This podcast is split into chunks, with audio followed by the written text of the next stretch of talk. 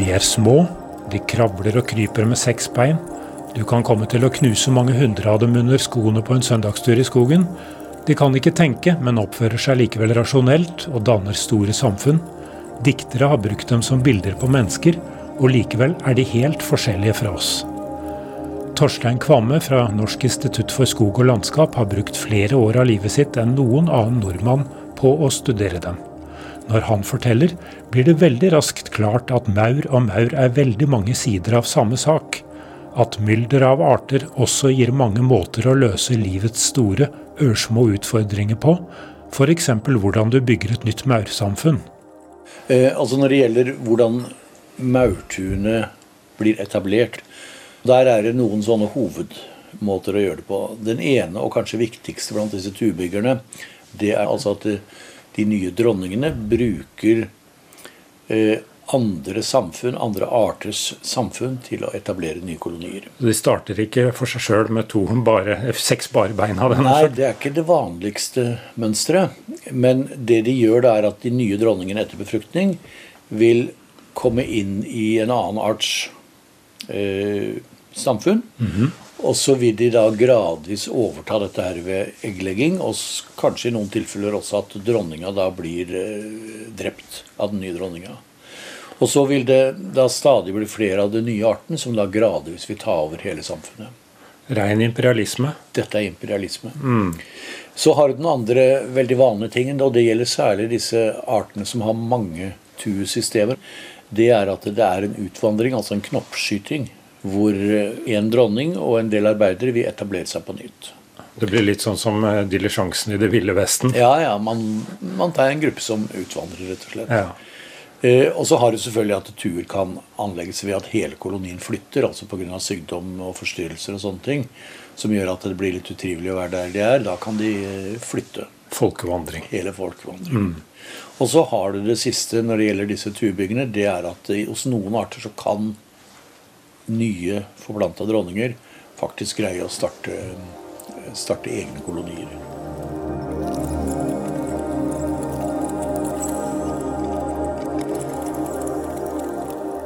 Overvintringen eh, må jo være vanskelig for maurene. Der ligger de under jorda, og det er frost. Hvordan klarer de seg? Ja, De har forskjellig strategi for å overvintre. For det første så er det jo mange arter som prøver å overvintre hvor de får dempa kulden. En, en, lun, en lun plett? En lun plett, ja. Eller forhåpentligvis også nesten frostfritt. Ja. Eh, og det andre det er at noen arter kan øke eh, glyserolinnholdet, altså frostvæske, i, eh, i kroppsvæska, sånn at ikke iskrystallene sprenger cellene. Mm. Og det er klart at Dette har ganske mye å si, for det er stor forskjell på artene når det gjelder hvor mye kulde de tåler. Og det gir seg jo et direkte utslag i at når det kommer opp i fjella, eller nordover, som på mange måter er to sider av det samme, så ramler artsantallet vesentlig. Da er det bare de mest eh, kuldetolerante som tåler seg å være der? Da er det bare de mest kuldetolerante som vil være der. Når det kommer opp på nordkysten av Finnmark, så er det jo bare noen få arter. ikke sant? Og det er jo de barske startene. Men det kan også gi seg noen andre litt interessante utslag. Altså Det fins jo en eitemaur, en som heter Myrmicas gabrinodis, som faktisk tåler å fryse inne i is. Og det er klart at da er jo hele, alle livsprosessene går jo på et minimum, eller kanskje nesten stopper opp. Og så fordi de får jo ikke noe særlig oksygen, f.eks. Og da, når isen smelter så, og temperaturen kommer opp igjen, så vil de kunne bevege seg igjen. Så det er jo ganske tøffe krabbater. Og for en god del arter så kan det godt tenkes at det er varmemengden eller sommertemperaturen som begrenser artene. Kan de rett og slett bli for varmt for dem? Hva skjer da? Nei, det blir vel ikke, Jeg tror ikke at disse artene får for varmt. Men hvis, som, hvis sommertemperaturen er begrensende, ja. så må, er de da avhengig av å finne steder som har godt klima. Og det er klart at eh, vi har jo en fordel i Norge med disse nord-sør-gående bortimot eh, dalene hvor i hvert fall den soleksponerte sida blir enorme varmefangere. Og Det gjør at vi en del steder i Norge har ja, ikke bare maur, men også andre insekter langt nord på steder hvor de egentlig ikke skal være, for det er for langt nord. Så de blir reddet av terrenget, rett og slett? Rett og slett, De får hjelp av dette her. Og det skiller oss f.eks. For, for en stor del fra la oss si, svenske forhold. Og til en viss grad også finske, som ikke har noe særlig topografi i forhold til oss. Ja, flatere og damer. Flatere. Ja.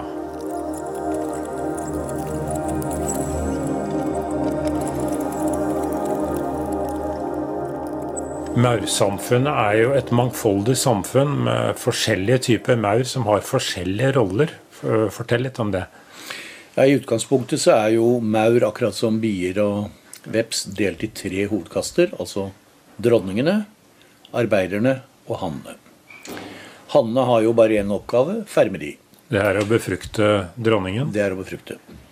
Eh, og det er jo en egenart til ved hannene, eller dronene som det heter hos uh, bier, uh, som skiller dem fra dronninger og arbeidere. Altså de er haploide, de har bare et halvt kromosomsett i forhold til arbeiderne og dronningene, som er diploide, og som har da dobbelt kromosomsett. Så de er på sett og vis en slags sædcelle på seks bein? Det er de absolutt. De slipper å gjennomgå denne reduksjonsdelinga når de produserer spermer. Ja, så de er vandrende kjønnsceller, rett og slett? Det er de. Og det er faktisk ikke så mye mer enn bare kjønnsorganer heller. Det vil si, det er jo noe mer, men, men det er en viktig del, fordi det er jo den funksjonen de har. Så er arbeiderne og dronningene, og de er i utgangspunktet like. Men det er først og fremst ved ynglepleie, altså fòring, eh, hvor mye rom de får, som bestemmer om det blir eh, dronninger eller arbeidere. Og så er det da dronningene er dronninger, og så er arbeiderne igjen. De kan ha en viss grad av spesialisering. Det mest ekstreme er jo disse kjempestore soldatkastene som fins hos en del tropiske maur. Eh, det fins jo maur hos oss som også har en slags hva skal jeg si for noe, soldatfunksjon, og som er større og kraftigere enn de andre. Så du har et spekter, og da har de gjerne mye bredere hoder. Og kanskje ser litt mer barske og krigerske ut, altså mer soldatmessig. Og så har du den andre ytterligheten er sånne eh, minorarbeidere som kanskje først og fremst holder til inni tua, og som driver med yngelpleie og sånne ting. Men begge gruppene, både soldatene og yngelpleierne, det er damer? Det er damer. Så samfunnet er eh, Altså maurtur er jo i alt det vesentlige damer, og i lange perioder vil det jo være damene hvis ikke det er hanner her. Så det er eh, definitivt damesamfunn, altså. Og så har disse her forskjellige oppgaver, og noen ganger så endrer de oppgavene seg gjennom livet. Altså at de yngste arbeiderne, nyeste arbeiderne, vil kanskje fortrinnsvis jobbe inne, og så etter hvert så får de andre oppgaver og, og jobber også ute. Og så har man jo en del sånne hva skal vi si for noen nesten sånne freaks, altså sånne avarter eller abnorme individer. Det fins jo arbeidere som faktisk utvikler vinger uten at de kan ha dronningfunksjon og legge egg. Og Samtidig så er det hos noen arter ikke så uvanlig å finne sånne mellomformer mellom dronninger og arbeidere som faktisk til en viss grad kan legge egg. Så, har de noen funksjon? Tror du disse her snåle maurene har noen funksjon? Nei, jeg, jeg, tror egentlig ikke det. Altså, jeg tror nærmest de er som det man i gamle dager kalte for misfostre. Altså, men de, de, klarer seg likevel? Ja, de blir nok ikke så gamle. Men det, generelt sett så blir jo ikke særlig arbeiderne veldig gamle. da, så... Men jeg, jeg, tror egentlig ikke de har noen spesiell funksjon. Men det kan si at det, hvis de da greier å formere seg, at de kan ha en begrensa e-, egglegging, så kan man jo kanskje tenke seg at det kan være et evolusjonært steg i retning av en ny art på en eller annen måte. Det er litt sånn evolusjonær eksperimentmaur, kanskje? Ja, og jeg tror jo det er på en måte det som skjer. da, at eh, altså Alle disse artene det, det dukker opp unormale individer, mutasjoner osv. osv. Eh, og hvis noen av disse her greier å føre genene sine videre altså det, det foregår jo en utvikling, ikke sant?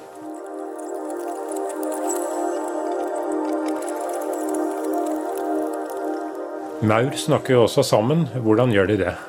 Ja, De gjør det i hvert fall ikke ved at de har så høye og sonore stemmer. Det tror jeg vi kan si med en gang. Eh, det er beregna at Kanskje 70% av kommunikasjonen foregår ved hjelp av kjemisk kommunikasjon, altså f.eks. feromoner. Forklar hva feromoner er. Altså Feromoner er bestemte kjemiske duftstoffer som gjør at du får en spesiell reaksjon hos mottakeren. Og det fins mange mange forskjellige. Du har kjønnsferomoner, altså som virker tiltrekkende på det annet kjønn. Du har aggresjonsferomoner, som pisker opp stemningen, og at folk på en måte får en slags sånn raserifunksjon. Du har aggregasjonsferomoner som bidrar til at de samler seg. Det mest kjente bruken av det har jo vært i forbindelse med barkbillefellene. Når en barkbille angriper et tre, så sender de ut aggresjonsferomoner, og så strømmer de andre på. Og så har de jo da sånne tracking pheromones. Stiferomoner kan kanskje kalle det. Det gir seg utslag i at speidere eller pionerer farter rundt i terrenget for å finne mat. Og finner de en matkilde, så vil de da dra tilbake til kolonien og prøve å kommunisere dette på en eller annen måte. Og det de da også gjør, er at de avsetter duftspor der hvor de går, altså stiferomoner. Og det er klart Dess flere maur som farter langs en sånn rute, hvis det er veldig mye mat, det sterkere blir jo det signalet, sånn at det på en måte bidrar til at eh, tilstrømmingen til det matfatet vil akselerere. Og det er også for så vidt sånne avsatte feromoner som er grunnlag for disse gamle veiene. altså Det er jo derfor de følger disse veiene, for de har disse duftspora som de følger. Hvor mange forskjellige beskjeder Det må jo bli litt sånn grove meldinger. Dette er, det, er, det er ikke fin poesi du kan sende med feromoner? Nei, det tror jeg ikke. Men de har nok sannsynligvis et ganske stort register som de kan kommunisere på. Fordi at i tillegg til kjemisk kommunikasjon så er det jo bevegelse, berøring, og det er nok til en viss grad også øyne, fordi det er jo en del arter som ikke er maur, som prøver å etterligne utseendet på maur for å kunne få en eller annen fordel av det. Har de ikke noen sånne trampebevegelser også, med beina? Jo, de, noen arter har nok det. Men eh, jeg tror kanskje at eh, sånn som dette med bruk av følehorn vil være berøringer vil være veldig viktig. Akkurat, så de har følehornspråk. Er ja, de, det, er de, vil, de vil berøre hverandre. Er det veldig mange beskjeder de kan gi deg? Ja, Det kan jeg egentlig ikke svare på. Men det er klart at på følehorna så sitter jo veldig ofte også kjemoreseptorer, altså de som tar imot duftsignalene. Altså luktesans, på en måte. Og det er klart at det er nok også en veldig viktig del av kommunikasjonen da. Eh, også direkte på kort avstand alle disse forskjellige måtene å snakke på, med luktstoffer, med berøring, med utseende Det må jo bli et ganske komplekst språk som de kan si veldig mye forskjellig. Er det noen som har kartlagt hele maurspråket, hvor mangfoldig det er? Nei, det er ikke kartlagt. Men det viser at mange av disse samfunnene kan ha veldig kompliserte funksjoner. Eh, og det kan også kanskje være noe som knytter seg til at maur faktisk kan ha en viss grad av problemløsning. Altså Jeg tror ikke maur er superintelligente, men det, men det, er studert og vist at de kan ha en viss evne til problemløsning. altså. Så grupper av maur kan oppføre seg som et samlet individ med en viss intelligens? Ja, det er jo en masse individer som på en eller annen måte er koordinert. Og det er jo rimelig å tro at uh, kjemisk kommunikasjon er en viktig del av det grunnlaget. Nesten på samme måte som når hjernecellene i hjernen vår kommuniserer med kjemiske stoffer? da? Ja, der er det sikkert mye elektriske impulser og, og, sånne ting også, så jeg vet ikke om det direkte er en god sammenligning, men det er i hvert fall en måte å prøve å få en, ko koordinering på, altså en, en samhandling i en eller annen form.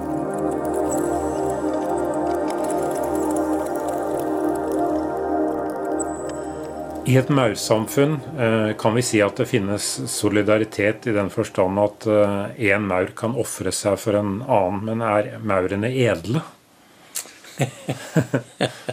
Nei, altså jeg, jeg, har jo litt problemer med Nå, nå, nå på en måte menneskeliggjør vi maurene ja. veldig mye igjen, fordi vi prøver å tillegge dem en masse følelser.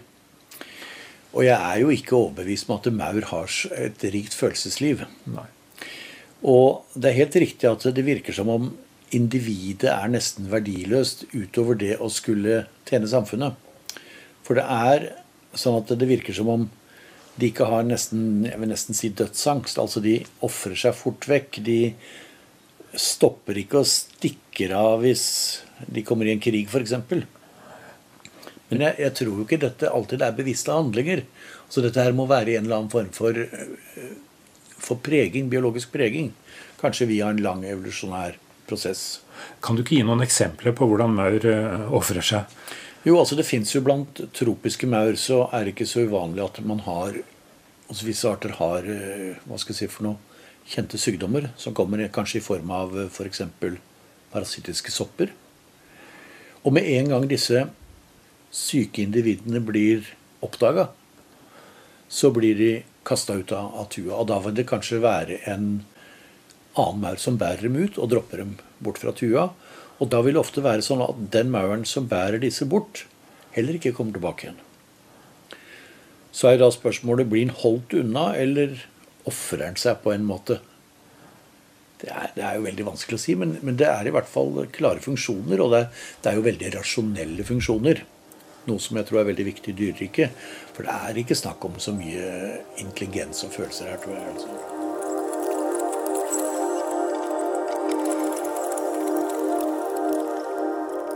Maur kan jo også være krigerske, og det kan vel også våre hjemlige tuemaur være? Har du noen eksempler på hvordan de går til krig? Ja, altså Det er jo mange som har sett det de kaller for sånne maurkriger. Altså hvor eh, to samfunn eller to arter har en eller annen form for krig. Jeg tror at vi i utgangspunktet kan tenke oss at krig i denne sammenhengen her, det er et spørsmål om konkurranse, dominans, rett til territorium, rett til naturressurser. For jeg tror det ligger i de fleste artene at det har de muligheten til det, så vil de ekspandere. Hvordan ser en sånn krig ut? Hvordan kan jeg se det når jeg går i skogen?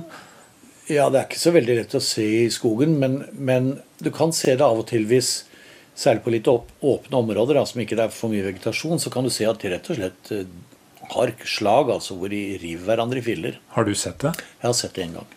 Var det et uhyggelig syn? Nei, jeg vet ikke om jeg vil bruke hyggelig, men det, det er jo ikke noe kjære mor her. altså det, det, er en krig uten nåde, altså. Og det samme gjelder jo da En del maur kan jo også ha raid for å raide andre arter og bruke som slaver. Og det er jo så de som på en måte ikke er i den tilstanden at de er interessante å ta med seg, de blir ofte bare avliva. Eh, og de andre blir bare tatt med. Men det kan altså skje både mellom forskjellige arter, men også eh, altså si to, tu, tu, to tuer tett i tett som, av samme art som plutselig finner ut at de ja. er uvenner. Og dette her har også blitt brukt i det for å bruke det som en slags test på om de tilhører det samme hva skal jeg si for noe samfunnet. For hvis man tar maur fra én tue og så legger over i nabotua det er mange som har prøvd det fra start for å se om de kriger. Ja. Så vil de veldig ofte ikke begynne å krige. Fordi de to tuene kan tilhøre det samme samfunnet. De og da har jo man jo duft, ja. eh, bevegelseskommunikasjon, som gjør at de på en måte gjenkjenner andre individer av den samme fra det samme samfunnet. Men det kan jo også bli borgerkrig, kan det ikke det? Innad i, en, i et samfunn? Nei, det, altså borgerkrig i vår forstand, det har jeg ikke så veldig mye tro på. Men det er klart at det, fins jo noen arter, særlig de artene som bare har én dronning, hvor det vil være en konkurranse mellom hvem som skal være dronninga som på en måte er eggleggende. Men da er det ikke sånn at hele samfunnet slutter opp og heier på den ene dronningen i forhold til den andre? eller noe sånt? Nei, det tror jeg ikke. Det fins jo eksempler på at altså dronningmord er ikke noe ukjent hos maur. Og det kan være både på artsnivå og på på hva skal jeg si, for naturnivå. Hvem er det da som dreper dronningen? Er det en annen dronning, eller er det arbeidermaur, eller? Det fins jo ofte hos noen arter at de nye befrukta dronningene da trenger seg inn i et samfunn og avliver den dronninga som, som er eggprodusenten. Og det vil ofte være lettest hvis det er et samfunn med én dronning. Det blir litt som et sjakkspill. Ja, det gjør ikke, det. Altså. Ikke sjakkmatt. Ikke ja. kongen er død, men dronningen er død. Men det er klart at i en, en hva skal jeg si for noe, en intern strid om hvem som skal legge egg, og hvem som skal være dronninga, så vil jo den ene dronninga ofte bli fjerna da. Og hvis da en dronning blir for gammel til å legge egg, det hender også, så da vil den dronninga ofte bli fjerna. Da vil arbeiderne være involvert. Og det er faktisk studert og vist hos, hos enkeltarter. Mm. Ikke hos de store tubyggerne, så vidt jeg vet, men, men, hos andre arter er dette kjent. En slags uh, coup d'etat, statskupp, nesten? Ja, det er jo for så vidt det. Mm.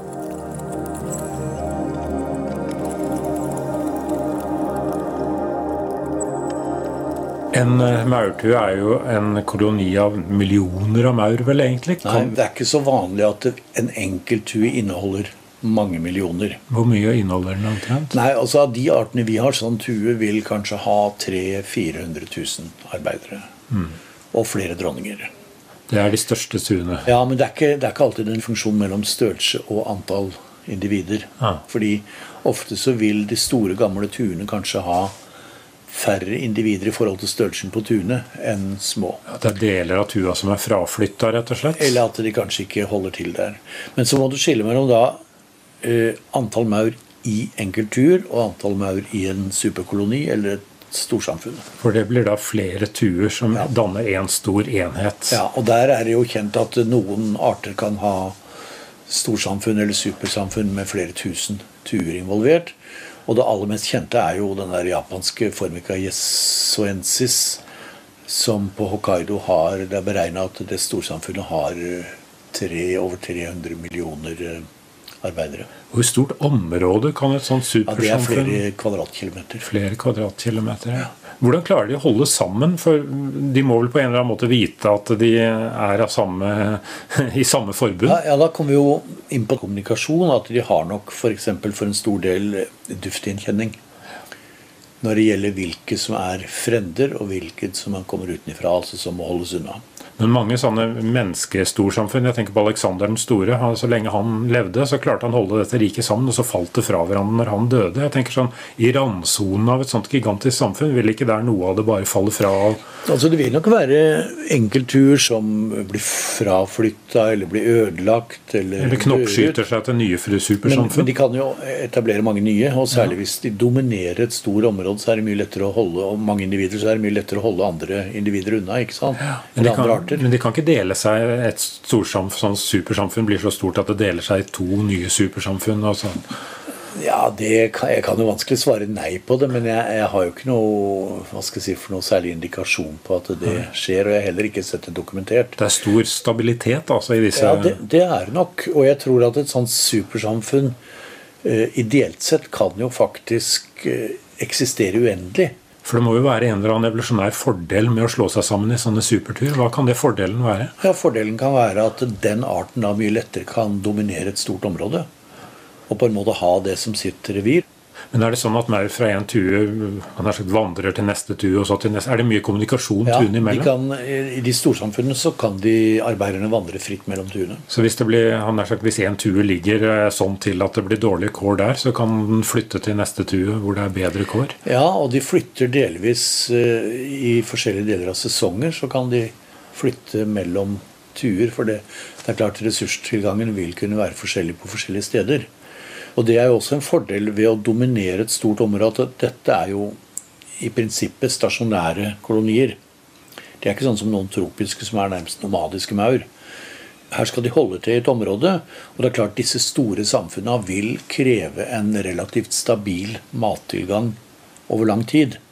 Kan vi si at et eh, supersamfunn, eh, en supertuesamling, er én stor organisme? Ja, det er jo det Wilson har, E.O. Wilson har sagt, eller regner med at Hvem er det? det er en eh, vel, kanskje den mest berømte maurforskeren i verden i dag, amerikaner. Han snakker om en, om en superorganisme.